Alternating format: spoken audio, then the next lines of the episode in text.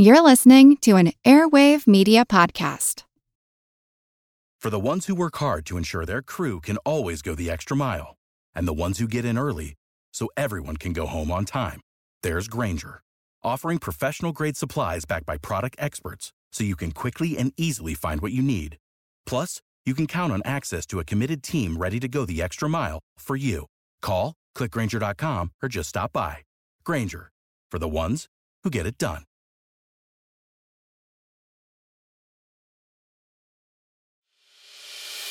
As a longtime foreign correspondent, I've worked in lots of places, but nowhere as important to the world as China. I'm Jane Perlez, former Beijing bureau chief for the New York Times. Join me on my new podcast, Face Off US versus China, where I'll take you behind the scenes in the tumultuous US China relationship. Find Face Off wherever you get your podcasts. This is Kick Ass News. I'm Ben Mathis.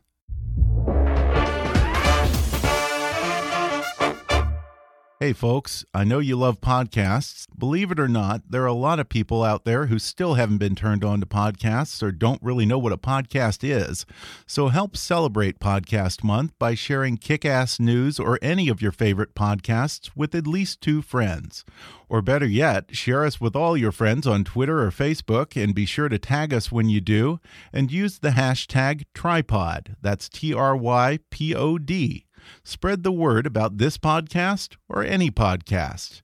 And if you want to do something else to support Kickass News, then donate to our GoFundMe campaign at gofundme.com slash kickassnews. Believe it or not, this show costs actual money, and your contribution will help offset some of those costs. So become a part of what I'm doing here by going to gofundme.com slash kickassnews and making a donation. Thanks for listening. And now enjoy the podcast. Ladies and gentlemen, here's the lovely Paris Hilton. Paris. You look wonderful. Thank you. You look better than ever. Thank you so much for being here. How, how have you been? You all right? Good. Good, Yeah. good to be back in New York City. New York City is exciting, though, isn't it? I was born here, yeah. Yeah, good for you. Uh, how'd you like being in jail? God, that was that was just a horrible thing. God, wasn't it horrible? Yeah, It was, definitely. and, and you know what? They, they locked up your friend uh, Nicole. Did you have thr three meals a day? yes, Uh, would you start with the breakfast? Obviously. What would the, what would the breakfast be? like a hard-boiled egg and an orange. That's not bad. Hard boiled egg and an orange. You can't go wrong there, honestly. because you, you have your protein and you have some uh, fruit there. That's pretty good. So you don't get scurvy. You don't want to get scurvy. Ha- have your friends treated you differently since you've been out of the slammer? People think that I was really strong that I went through it. So, God, it was just ugly, wasn't it? Did you have you have you made? Uh, but I've moved on with my life, so I don't really want to talk about it yeah, anymore. but I know. I know. Well, I appreciate that. See now, this is where you and I are different because this is all I want to talk about. Hi, I'm Ben Mathis, and welcome to Kick Ass News. That was a clip from the king of late night, David Letterman. In his heyday, he was appointment television for any young person who wanted to be in the know and on the cutting edge of comedy. His street pieces and comedic bits ranged from vaudevillian to Dadaistic, and his folksy Midwesternness belied a wry wit and razor sharp critique of the artifice and absurdity of show business. Carson may have been on the air longer, and Leno may have had better ratings, but no one was funnier or more relevant than David Letterman. Now, in a new book, Jason Zinoman, the comedy critic at the New York Times, mixes groundbreaking reporting with unprecedented access and probing critical analysis to explain the unique entertainer's titanic contributions. He says to understand popular culture today, you have to understand David Letterman. Zinneman offers a perceptive study of the man and the artist whose caustic voice was crucial to an entire generation of comedians and viewers, and whose singular style ushered in new tropes that have become cliches in contemporary comedy. Jason Zinoman began his career at Time Out New York, where he became the theater editor in 2001. After writing freelance stories for the New York Times, he was hired to become the onstage and off theater columnist in 2003, and in 2011 he became the first comedy critic at the New York Times. Two years later, he published Searching for Dave Chappelle, a Kindle single about comedian Dave Chappelle's retreat from public life. And in 2011, he published his first book, Shock Value, about the horror movies of the late 1960s. Now he's followed that up with Letterman, The Last Giant of Late Night, which is already a bestseller. And today he'll talk about the enormous cultural influence of Late Night with David Letterman in the 80s and the many ways Letterman's legacy can be seen on every late night show on television today. We'll discuss the restrictions that Johnny Carson placed on the show that came on after The Tonight Show and how those helped David Letterman stand out and create something totally different that parodied talk shows and rewrote the conventions of comedy. We'll analyze what made Letterman a far superior interviewer to Carson or Jay Leno, his amazing ability to ad lib hilarious one liners totally off the cuff, and his subtle and not so subtle digs at the phoniness of celebrity. We'll get into the legendary late night wars between Leno and Letterman and the myth that the Oscars sank the late show's ratings. Jason will also talk about his surprisingly candid interviews with the man himself, and we'll talk about Dave's mom, who just passed away last week at the age of 95. Plus, stupid pet tricks, giant doorknobs, and more, coming up with New York Times comedy critic Jason Zinoman.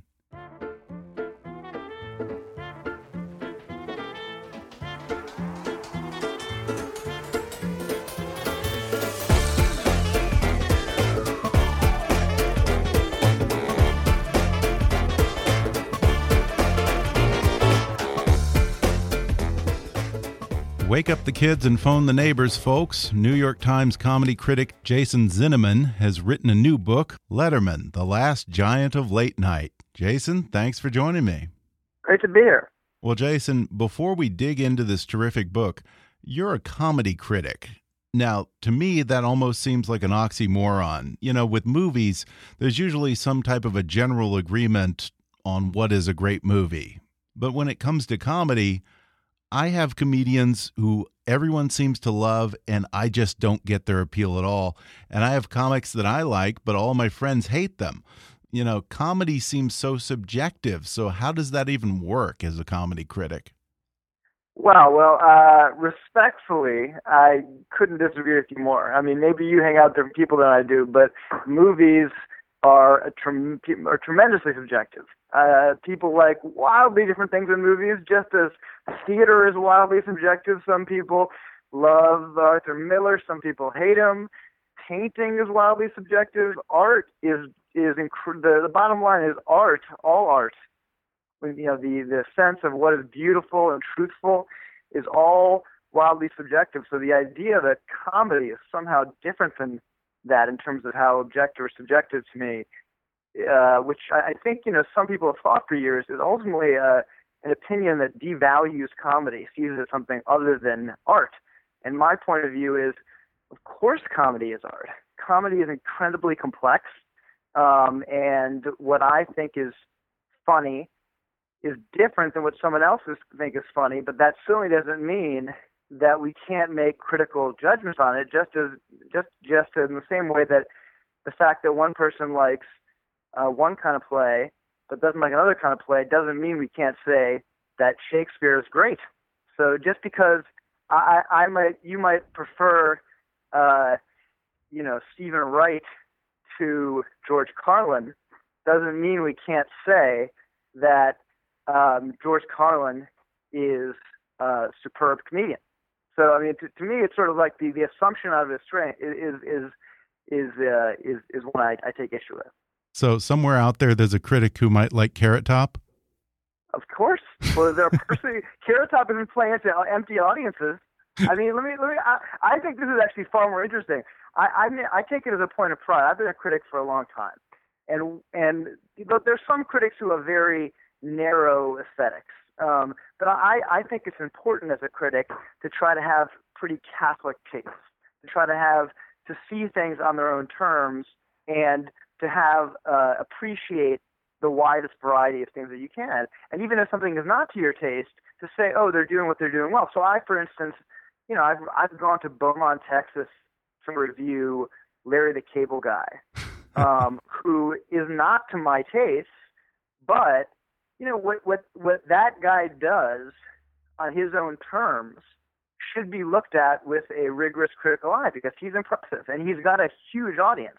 Now you could say they're all fools, um, but uh, I think there's a lot for a lot of work for a critic to, to do there. And I think the same. I mean, you're making a joke about Carrot Top, but a good critic, you know, looks at just as they, they you would look at what a reality show is doing seriously. You could look at what what Carrot Top's doing seriously. Yeah. Now, if I may, who are your favorite comedians personally? I mean, I have a pretty wide the. uh you know, I wrote a book about one of them, David Letterman. Mm-hmm. Um, so that he would be on the list. Um, uh, I love, you know, Steve Martin. I love Richard Pryor. Um, Carlin would be on that list. Um, then there's just a, you know, a slew of comedians today. I mean, I write about comedy every other week. So, you know, I think Rory Scovel did probably the best comedy set I saw of last year. Um, Louis C.K. and Dave Chappelle, uh, people who I have a lot of respect for. So, you know, I mean, uh, it's uh, the list goes on and on. Yeah, and is there anyone in the alt comedy scene that we might want to keep our eye on right now? You know, I think there was a time when what was alt comedy was very clear. There was alt comedy and club comedy. Mm -hmm. I think right now it's it's harder to to really say what is alt comedy since that has gone so mainstream. So, for instance, the comedian I mentioned who was um, had the best set that I've seen all last year, Rory Scovel. Mm-hmm. That he's a very non-traditional comic. A lot of his work is improvisational. Right. He's, um, you know, I think to a lot of he may not be alienating to a lot of people. I think he in the '90s would firmly fit in the alt comedy sphere, but he's playing clubs. He plays Carolines. Um, so, um, you know, he'd be somebody who uh, I'd recommend. Um, you know, I think. Uh, um, Caper, if you if you really have an adventurous taste, Kate Berlant I think is really brilliant. John Early is really great. Those are some other people. Well, the subject of your new book was kind of alt comedy before there was such a thing as alt comedy. Uh, you got to interview David Letterman himself for the book. He has a reputation for being notoriously evasive in interviews. How was he with you? Uh, one of the things that was a little bit of a surprise um, is that he did not dodge in this interview. Uh, he was direct. He answered every question. He was charming. He was serious. Um, he um, was a great interview, which you know um, I've I'd heard that from a person or two, but I'd also read a bunch of interviews with him where you know he was, as you described, you know, elusive. Um, so I didn't know what to expect. I think I had the benefit that I talked to him nine months after his show was over. Um, it wasn't he had a little time to reflect, and it wasn't under some tight deadline pressure or, or it wasn't for some promotional reason. Um, and uh, he seemed tremendously relaxed and eager to, you know, to talk. I think also I had spent, you know, a couple years in reporting and talking to people from, you know, from his childhood through to the end of his career. So, you know, these are hundreds of people who I talked to, so I think to some degree, the interview had a kind of this is your life deal. You spend close to two thirds of the book focusing on the early years and late night with David Letterman, his original show, as opposed to the show on CBS. When Dave took over for Tom Snyder in that 12:30 slot after Carson and launched Late Night with David Letterman, what was the competition like at that hour? There was hardly any. There was, I mean, the competition was uh, was late night movies um, and infomercials. And while you may maybe maybe you were watching a late night horror movie show or something, you know, yeah. local, you know, hosted by Elvira or something. but but uh, if you weren't doing that, um, you were watching Letterman. So Letterman, I mean, that's that's the fundamental difference, and and also, frankly, part of why Letterman is such a meaningful cultural figure is that um, you know, today, if you at 12:30 at night and you have an interest in irreverent comedy, you can go online, Netflix, you can look at YouTube. There's countless number of channels which are showing interesting things at all hours of the day. But at 12:30 at night in 1982, if you were interested in adventurous comedy, chances are you were watching David Letterman. It's at a time when sort of the the cultural campfire was one that um, was much bigger than it is today. So everyone had this thing in common who mm-hmm. came from this this bent, and that was that was why he had such an impact, or one of the reasons why. Yeah, and the story has always been that Letterman did so well in the early days because he was popular with college kids and this very young, hip demographic that advertisers were dying to get. Um, was it sort of the beginning of this shift from just counting eyeballs to actually targeting specific demos? I, I, I do, I do think that's true. That, that, that was a shift, an important one.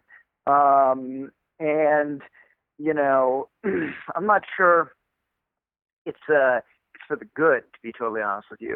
Hmm. Um, you know, I, I think, uh, that for a while was also the justification for shows that got lower ratings. They said, well, we don't, we got fewer people are watching, but the right demo was, and mm-hmm. you know, the right demo was young men.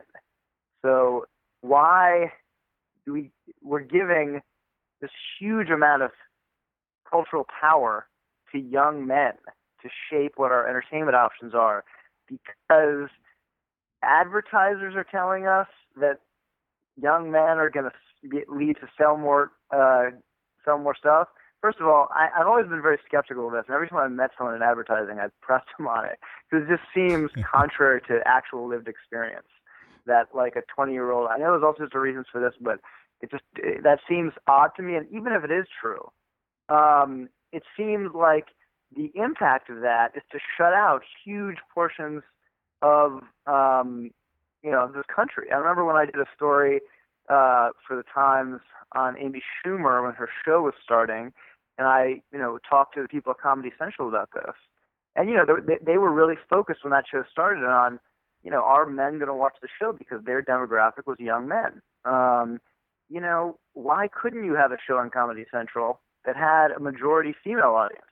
Um, and it's not hard to then conclude that part of the reason we have fewer women on late night um, was because of this idea that may be untrue about uh, the power of young male demographic for advertisers. And one of the things that I found most interesting in this book is how the style and the tone of Late Night with David Letterman was sort of born out of the fact that it was actually produced by Johnny Carson's production company. And Carson had a bunch of stipulations over what David Letterman could and couldn't do on his show at 1230. What were some of those contractual restrictions that I guess really ended up making Late Night with David Letterman what it was? Well, they were uh, had to do with they, they couldn't have a, an orchestra. There were certain guests. They had to go through the Tonight Show to okay guests, not have overlaps in terms of guests. Um, I believe they didn't want to have a big monologue. Um, you know, that there's some disagreement here over, you know, essentially David Letterman put on this show that was wildly different than had been on in the past, mm-hmm. and that to many fans looked like the antithesis of the Tonight Show. Now, why is that? So one narrative is that Carson put these rules down, and because of that, they create, you know, that they they they couldn't they didn't do the same thing. But I think that doesn't really explain the whole story. I mean, I don't think that the people who were making David Letterman, who were people like, you know, George Meyer, who went on to help write The Simpsons, and uh, and uh, Merrill Markoe, who was Letterman's longtime collaborator, they didn't want to put on a show like Tonight Show. Mm-hmm. Um, they didn't want to put on a show that was the backbone was a was a long topical monologue. They didn't want to put on a show which had a huge old school big band orchestra. Um, it made sense. So in a way, those rules, which have gotten some attention, um, were kind of beside the point. Um, it sort of emphasized and gave more conviction to the to the people making these choices that were probably already going to happen anyways. And in some ways, it sort of parodied the form of the late night talk show you know, if you watch talk shows today, hosts kiss celebrities' ass so much. But the beauty of Letterman was that he seemed so uninterested in movie stars and showbiz, which I guess sort of tapped into this growing skepticism of celebrity in the 80s, huh? Yeah, I think I think it it, it stood out then, and it stands out now. Mm -hmm. I mean, it's uh, there. There's this sense that uh, you know when when David Letterman started that show, that that the talk show had this very chummy relationship to show business and celebrity and Hollywood, and that it was a forum to promote your movie, and that's why movie stars went on the show, and that's why the hosts responded, you know, as if every movie that came on was worthy of seeing. Um, and I think after years and years of this, audiences started to distrust these shows. They started to seem mm-hmm. fake. They started to seem artificial. They started to seem like it was sales, not comedy. And then Letterman came along, and he said what everyone was already thinking, which is this is all this is all nonsense. This is all phony, right? This is, and by doing that, he may have alienated some people in Hollywood, but this audience who had been watching this this fakery for so long thought, finally, here's someone who's saying what we think, and by doing that, he seemed like this incredibly authentic guy. And one example that you talk about in the book that I can remember was when Billy Idol came on, who was the exact type of phony that David Letterman didn't particularly care for, this fake punk rocker. Right. How did David Letterman play that? Well, it's hilarious. It's fascinating. I mean, people they, they should go and look it up on YouTube. It's it's you know what what I write about is on the surface, if you if you, if you had the the volume off, it looks like Letterman's the square and Billy Idol is the rebel, right? Because Billy Idol's got the leather coat and the spiky blonde hair and the scowl. Letterman looks like he's got he's got the tie and the the, sh- the shortcut hair. Um, but if you listen to it, and Billy Idol's trying to be really flamboyant outrageous and talking about drugs and all this. But you know, he's basically just peddling a different image mm-hmm. that is already sold well and that is tired and hacked by the time that he's doing it. I mean, he's doing some warmed over, more mainstream version of the Sex Pistols, where um, Letterman, as opposed to playing the square in this in this sort of show business drama, he gives it right back to him and kind of mocks him very subtly. Um, and he almost uh, embrace like he has some line where he's like, "Your mother must be very proud of you," or something, something like that, which is both uh, co-opting the language of like an old fogey, but doing it in a way that is, you know, sharply sarcastic and critical, and he comes off more counterculture than Billy Idol does. Well, the drug dealers in Westforth call their drugs by my names of my songs, like this White Wedding, Cocaine, and Rebel Yell Quaaludes, and Dancing with Myself, Smoke and stuff. So, yeah, people recognize me everywhere, really. You, you must be a very proud young man. I mean, it's an incredible act of comedic jujitsu, um, and and it really explains why I think, and I think this is a somewhat unpopular position, but that Letterman was a tremendous interviewer. Yeah. Um, that that was compelling to watch somebody go after Billy Idol like that. Mm -hmm. Yeah, and you know it's funny to read in your book how many people thought that he wasn't a good interviewer in the beginning. I think that he was probably the best. I, you know, I agree. When I look back at Carson and Leno, who had pre-written jokes to shoehorn into an interview, and I compare it to Dave, Dave had this easy give and take with guests, and he was able to just magically ad lib these hilarious lines completely organically out of the conversation. Yeah, I mean, I think you put your finger on. I mean, there's nobody been better at at at ad libbing. Although many people say Steve Allen was also incredible, but mm. the but I think the addition is that he was willing to be antagonistic. Um, now he did it in his way, but you know the, the the why should every conversation on late night talk show be amiable? It's mm-hmm. boring to have the same kind of conversation. So Letterman was willing to show a broader range of emotions, including skepticism. And uh, you know, I think um, not now you've since Letterman, you've seen interviewers like you know Jon Stewart in The Daily Show right. get really antagonistic. um, and almost prosecutorial. Um, but so it's it seems less exceptional uh, now. Although I think it's you don't see it much anymore because um, we've sort of ceded it to cable news. But um, but Letterman showed you um, you know a, a, a wide range of kinds of conversations that I think the, the main reason I liked it as a viewer is you just never know what was going to happen. Yeah, there was this bizarre juxtaposition where he had this totally nonchalant attitude toward the things that impressed most people, big Hollywood stars and Washington politicians. But then he would give these huge buildups to these completely hokey bits like stupid pet tricks or some ridiculously large prop.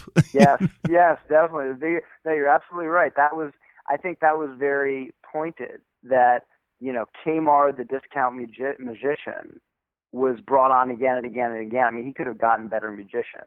Mm. And or as you say, like the the giant doorknob yeah. is this going on and on about how incredible. You know, part of the joke of Stupid Pet Tricks is how much he built it up, the hype, how much he hyped it and promoted it. And of course, there's a satirical element of that.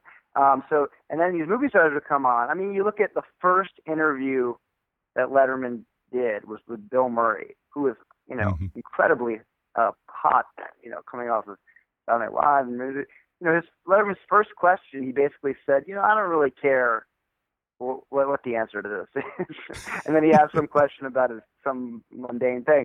And it's just like, I think it says a lot that he, the first thing out of his mouth is, I don't, I don't care. And, yeah. uh, and the truth is, you know, this kind of stuff that was typically talked about on these talk shows is not worth your attention most of the time. Mm-hmm. Um, and Letterman just had the guts to point it out. Um, he thought that he was the heir apparent to Johnny Carson, and he desperately wanted the Tonight Show to the point that it was sort of his white whale. How much was he willing to give up to get the Tonight Show? Well, I don't. I'm not sure how, that he was willing to give up so much. I think he definitely wanted to host the Tonight Show, and that right. was. And he certainly would have taken a pay cut compared to CBS, right? Uh yes, but I mean, you could argue at, you know, this goes into the whole late night war. He, you know, he hired Michael Ovitz, mm-hmm. and Michael Ovitz was a hard driving bargainer. And I think he says, you know, Michael Ovitz said early on he saw that you know CBS would be the best place for him. And mm-hmm. I think you can imagine a one one one could look at an alternative history and imagine, all right, say Letterman didn't hire such a a, a, a hard driving bargainer, mm-hmm. and he said he went to NBC and said, look, we'll take you know, a more modest amount. Um, and maybe things might have played out. I don't think they would have. Yeah. But um, but I think the, the to the point you're you're getting at, he um, he, you know, they had been taught. One thing I learned in the course of researching this book is that, you know, Letterman had been in talks or had been rumored to replace Johnny Carson since 1979, mm-hmm. before he even had a talk show, when he was just a popular guest host. So year after year after year after year of someone of people saying you're you're up for you know maybe the most prized job for comedian in television has an impact. So when it finally came to the time when Carson left and it went to Leno, I think it was definitely devastating. Yeah, and I, I almost wonder do you think that he might have had a similar fate to Conan O'Brien if he had taken over The Tonight Show and tried to make it his rather than building his own show on another network? It's an interesting question. I, I it's possible. It's hard to tell. I mean, my, my, my guess is the thing would have played out the same way. That the, the NBC would have stuck with them, but and maybe CBS would have hired Leno, mm -hmm. and the duel would have would have gone on the same way. And you know, they were fundamentally different um, style performers with different strengths. And uh, and I, you know, while I think that Letterman's legacy was much greater, I think there's no question that Leno had a kind of populist sensibility that that um, you know that got higher ratings for a long time. We're going to take a quick break, and then I'll be back with more with New York Times comedy critic Jason Zinoman when we come back in just a moment.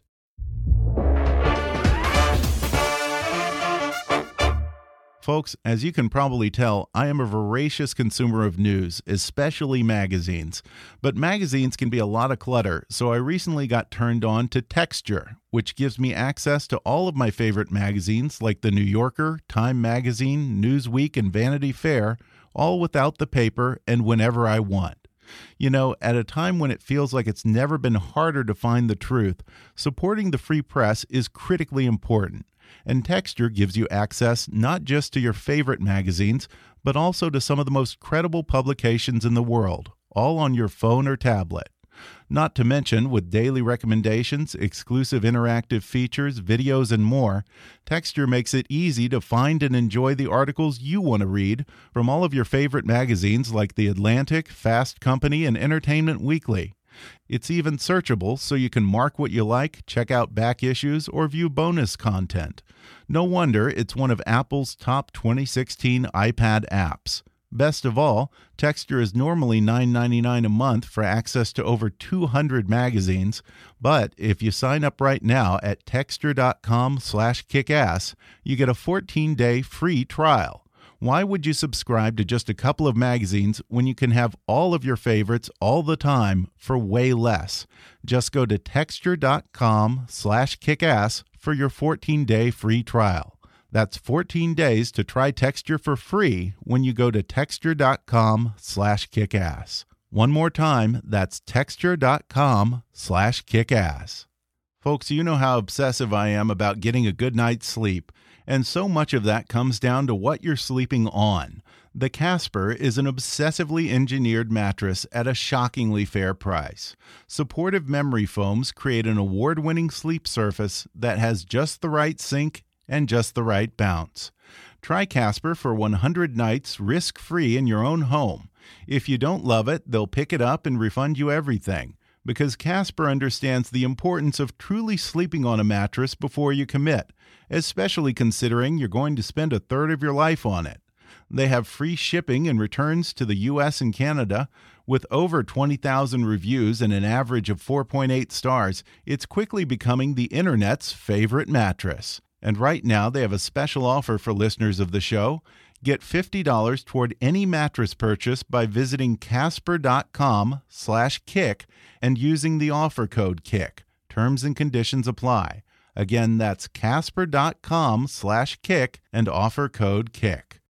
Here's something to look forward to. Amazon's acclaimed crime series, Bosch, is back for a third season. Titus Welliver stars as Detective Harry Bosch, an honest cop driven by a dark past who's obsessed with punishing criminals no matter what the cost. Haunted by the discovery that his mother's murder was covered up by the police, Bosch also finds himself implicated in the death of a serial killer he's investigating. Now Bosch must navigate the dangerous waters of a police department that believes he's guilty while working with a partner who is no longer sure he can trust him. Bosch will fight to prove his innocence even as he pursues a dangerous group of ex Special Forces assassins willing to kill anyone who gets in their way.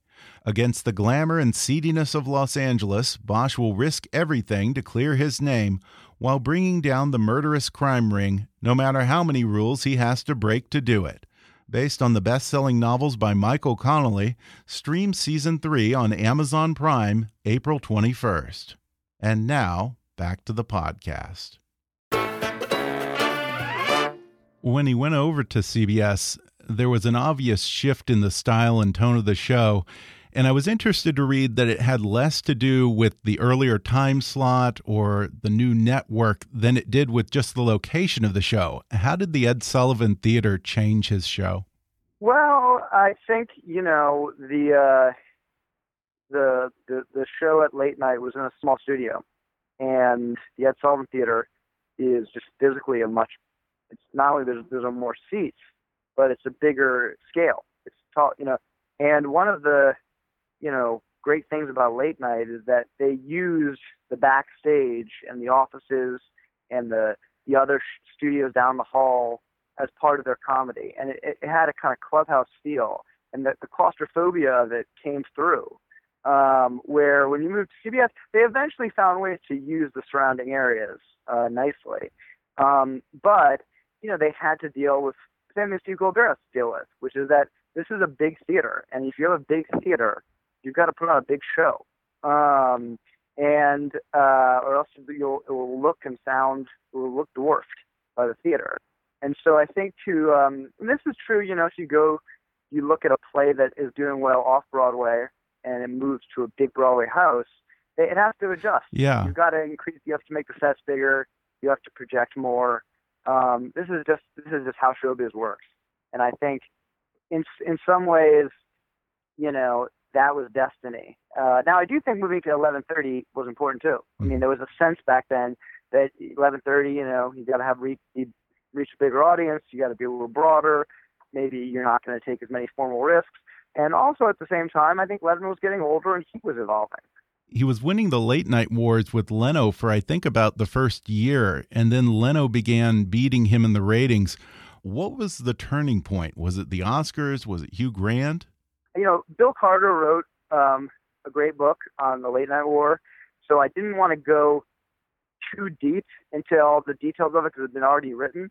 But I did want to examine the kind of assumptions about why Letterman started to lose to Leno. And, and you know, the common wisdoms is that um, it's sort of the one-two punch of the the the hosting the Oscars was a disaster, and then the Hugh Grant interview um, for Leno went so well that then he started to lose, and that was pushed by NBC, and that was the explanation. This always struck me as um, a pretty poor reasoning.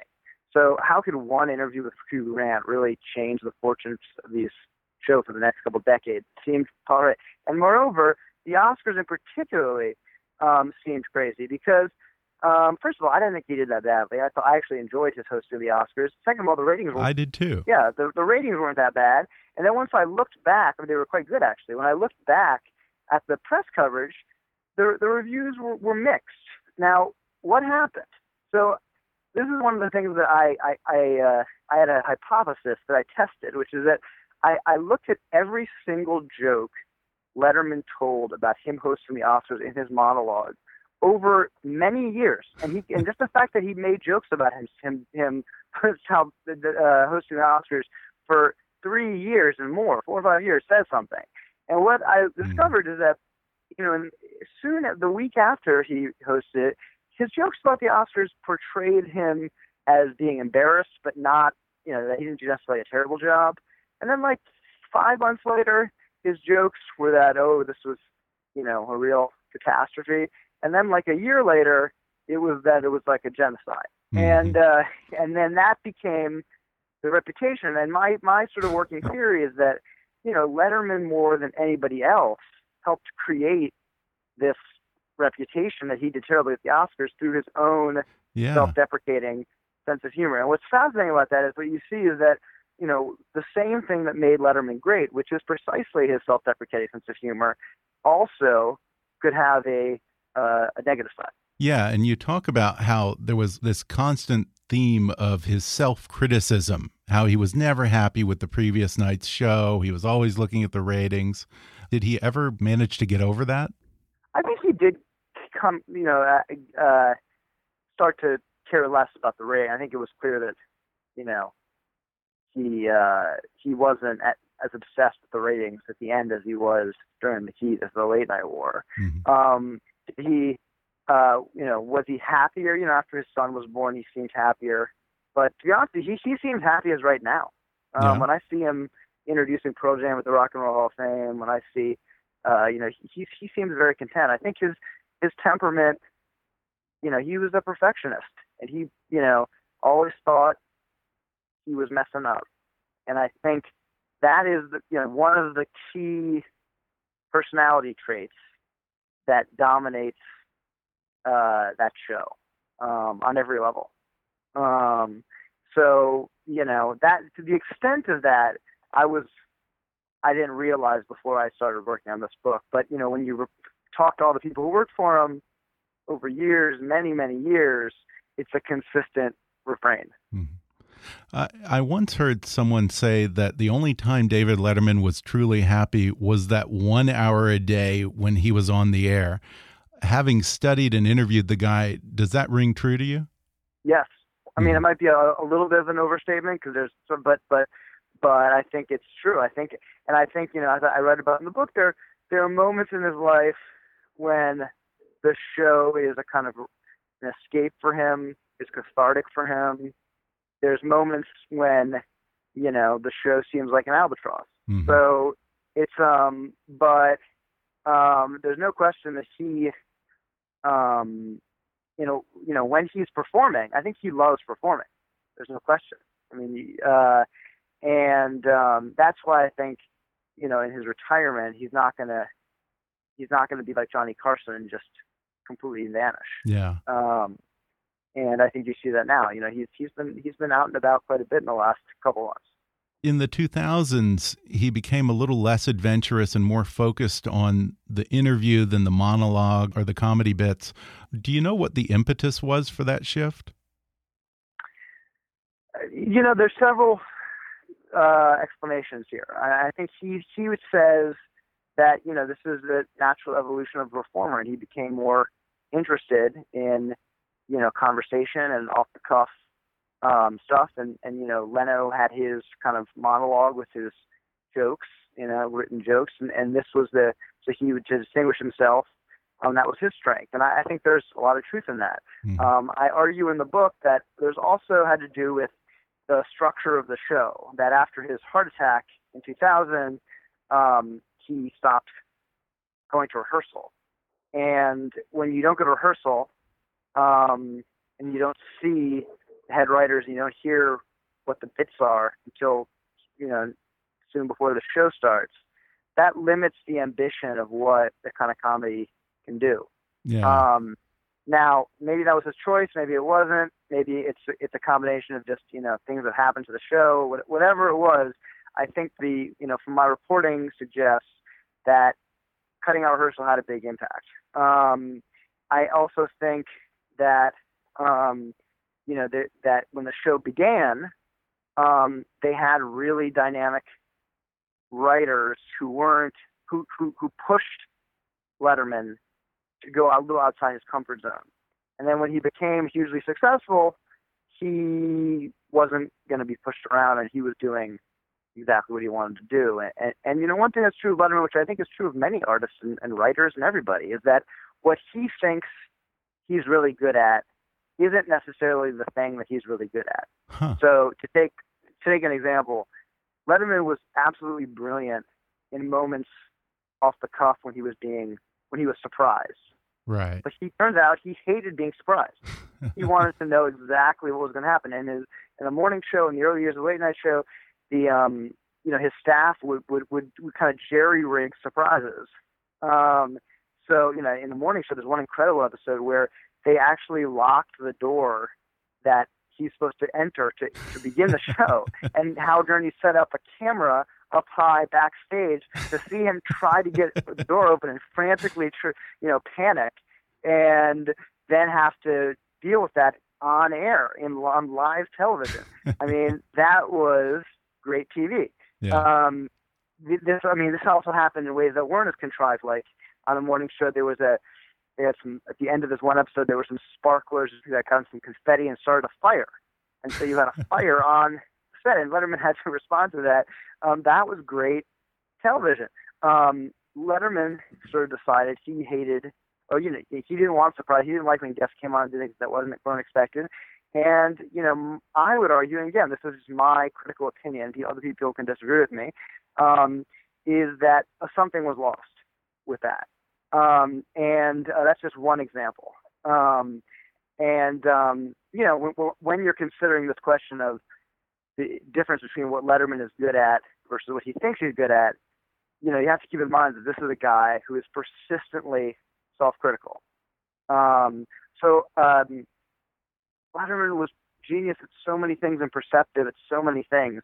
In a weird way, he was um, he, some of his blind spots had to do with himself. Um, he didn't realize how good he was in a lot of ways.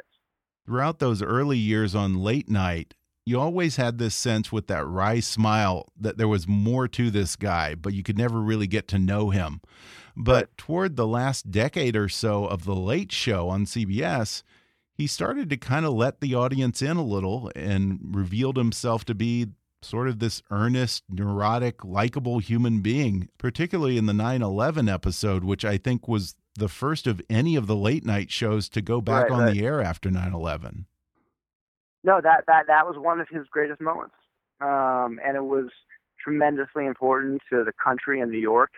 And you know, he spoke with you know bracing honesty and vulnerability to the country at a time when people were really confused and and lost. And I think he articulated the way a lot of people were feeling. And um, there was a gravitas to him that day that not many other comedians could access. Um, and um, that kind of direct, I think for a guy who, for his career, was known for emotional distance and irony, he was being direct, earnest, sincere, and vulnerable. And when you know a guy with that history uh, is speaking so earnestly, um, it carries uh, a, a real profound impact. hmm Yeah, and you know, ratings aside, I don't think anyone can argue that Leno or anyone else was a bigger cultural legacy. Even the former head of programming at NBC who picked Leno over Letterman, Warren Littlefield, admits as much. Talk a little bit about that legacy and what David Letterman started. Well, I mean, Letterman reinvented the talk show. I think you see he he created the template for adventurous, form-breaking humor that is that is still being imitated by talk show hosts today. He mainstreamed a kind of ironic distance in comedy that now we just completely take for granted. Um, that's that's pervasive, um, and you know he uh, established all these um, you know, he, he introduced all these kind of more marginal characters and comedians into network television, um, which I think did have an influence on alternative comedy. Um, now, to your point, what's interesting is that I'm not sure there's still people who don't think um, that his artistic success uh, means that he won the late night award. There was a review of the book, my book, by I think a producer from Jay Leno, um, who said, you know, who is um, Jason Zinoman? He, he to decide who who won the late night award. It's the viewers who decided. Mhm. And you know, the guy has a the, the guy is articulating what I think has been the uh, the assumption behind most of the coverage of late night television, which is that whoever has a higher number in the ratings is the winner, is better, which is preposterous when you when you take any kind of historical view. I mean, and I would argue that uh, when you look back on it, who cares if if half a million more people watched Jay Leno in 1993? Who cares? It's like not like Yeah. anybody remembers how many more books uh, somebody sold than James Joyce. Like James Joyce is great because of reasons that have to do with other than how many books he sold. Uh, and uh, or um, so you know, art is not measured. Is it, art can be measured by sales, but it's not the only measure of sales. So to answer Yeah. the you know this this Jay Leno producer, you know, I, I how many people watch Jay Leno matters. He's right, but what critics and historians say also matters, Mhm. um, and I'm one of them. yeah. so, so um, you know, I have I, I, I, I would argue that if you look at history, that things like sales and ratings points and advertising is going to matter less and less as time goes on, Yeah. and other uh, other people are going to matter more. It is kind of ridiculous calling it the late night wars when both networks were making money hand over fist. Yeah, exactly. I mean, quibbling over a half million viewers. They're is sort both of winning. ridiculous. They're both winning. They're both Yeah. they're both making lots of money. Everyone's making both both talk show hosts are making lots of money. The whole thing is a little bit silly. Yeah, and if you really want to talk about all of these current late night shows, none of which existed before Letterman, aside from The Tonight Show, from Kimmel to Jimmy Fallon, Conan, watch any of those guys for five minutes and you'll see a direct influence from David Letterman. But there's no one out there trying to imitate Jay Leno in late night. uh, I completely agree. I mean, you know, even these talk shows are very different than Letterman, but they still have have uh, his influence is great. I mean, Jimmy Jimmy Fallon uh, does this bit where he did uh, he he inhaled helium and talked to his guests. Mhm. Letterman did that in the 80s. James Corden did early on. He shot a show in somebody else's house, which got very good reviews. Letterman did that. Um, the uh, you know some of the kind of remotes that are very common, both you know by Seth Meyers and Conan, were completely pioneered by David Letterman. Uh, the same thing; those remotes are also uh, you know these remotes which which use you know people on the street, ordinary civilians, and turn them into comedic characters through editing and um, you know attitude. This is the kind of thing that is the bread and butter of the Daily Show Yeah. and Comedy Central. You know that didn't really exist um, before Dave Letterman, with you know a few exceptions like Steve Allen did did did, did versions of it. But Mhm. uh, I would say that that the real lineage between in those remotes has to do is a connection between the Daily Show and Letterman. So so his influence is Titanic, um, and you see it when you know when he went off the air. There was the month or and more when he off the air. You know the the outpouring um, of emotion and celebration was quite distinct from when Jay Leno went off the air. Take nothing away from Leno, Leno was tremendously successful, and you know, in some ways, um, he's his. Uh, we might look back and, and be more impressed with the fact that he won for on the ratings for so many years, Mhm. and is you know, a great joke writer. So just take nothing away, but I don't think Jay Leno had the impact that Letterman did, and for that matter, I think probably maybe more controversially, I don't think Johnny Carson did either. yeah. I think Johnny Carson was certainly more popular, and he perhaps made more careers. Um, he was he was more important as a gatekeeper, although Letterman did too. Um, People like Pee Wee Herman got exposure on late night, which was very important. But but I think as a comedian, um, Letterman's uh, uh, fingerprints are uh, all over the culture much more than Carson. David Letterman's mom just died, I think, at the age of 95. Yep. I remember her from when he would call her on the phone or when he sent her to the Olympics as his correspondent. She seemed so sweet on TV, but you say, you know, she wasn't very affectionate and she actually withheld approval, which certainly must have driven some of Dave's neuroses. Now, this same need for mom's approval was something that haunted Johnny Carson until his dying day. Dave and his mom seemed to get along pretty well on TV, so I'm wondering if things eventually warmed up between the two of them. Oh, the honestly, I have no idea. Yeah. Um, what what what I do know is that um, you know, which I wrote about in, in the Times today, that you know his mom was a consistent and spectacular presence on that show. Mhm. Starting, uh, she first appeared in '85, but she was a regular presence. He would call in the, the early '90s and do bits um, and then in the night, and then in the when he moved to CBS, she was an on-air correspondent and, and participated in three different Winter Olympics. And I think she really uh, humanized him in a lot of ways. I mean, she seemed like, you know, the every mom, um, and was unflappable. Um, and um, I think when you saw him relate to his mom when he's when he's teasing her, and he's um, you know they're having this these these very kind of relatable interactions. He he seemed like somebody who was he it warmed him up first of all, but it also seemed like someone you could relate to, which you know for a guy who's a mega famous superstar who who's you know whose uh, default mode was ironic detachment. Um, that was very important to make a connection with uh, the audience. So um, you know, his mom, he got the idea to put his mom on the to incorporate it from uh, listening to Howard Stern. Howard Stern also Really? did that.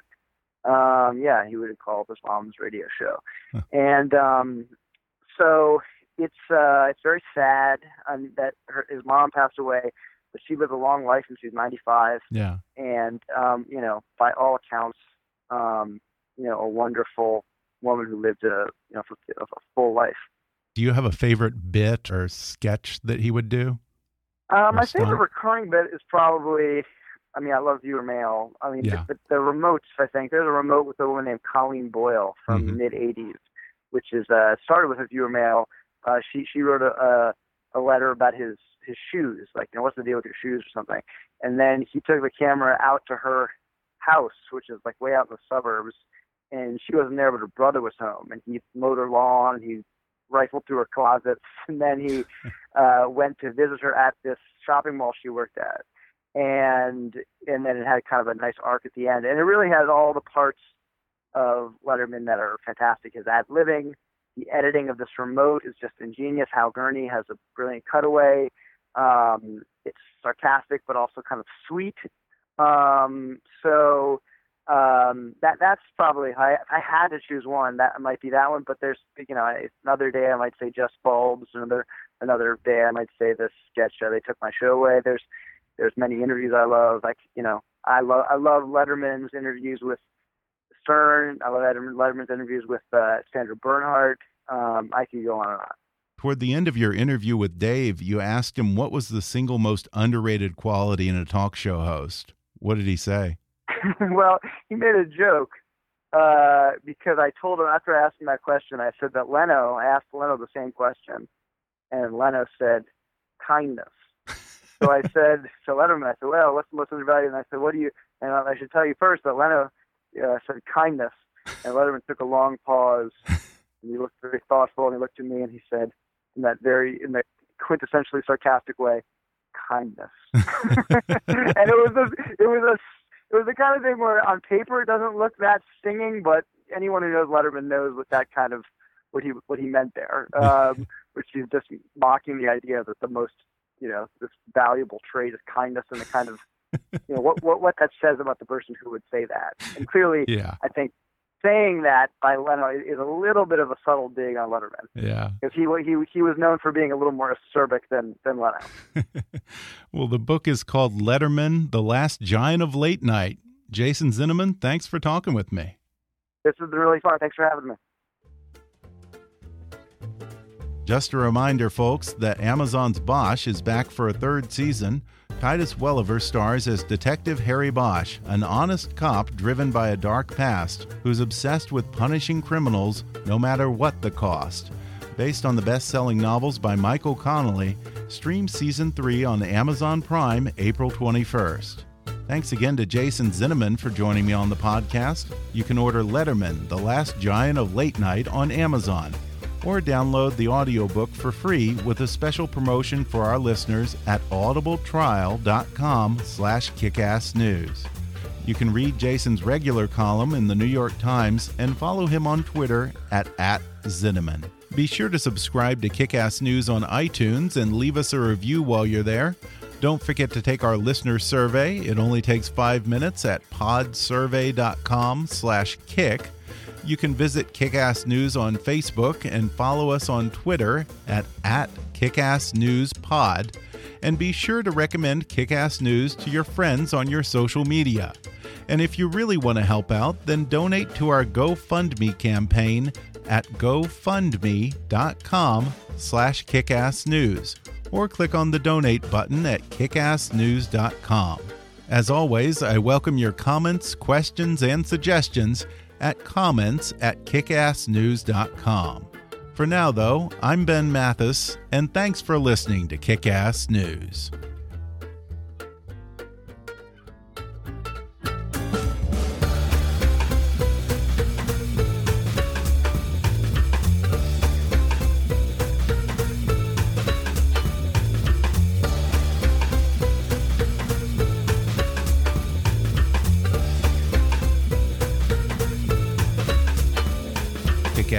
Is a trademark of Mathis Entertainment, Inc.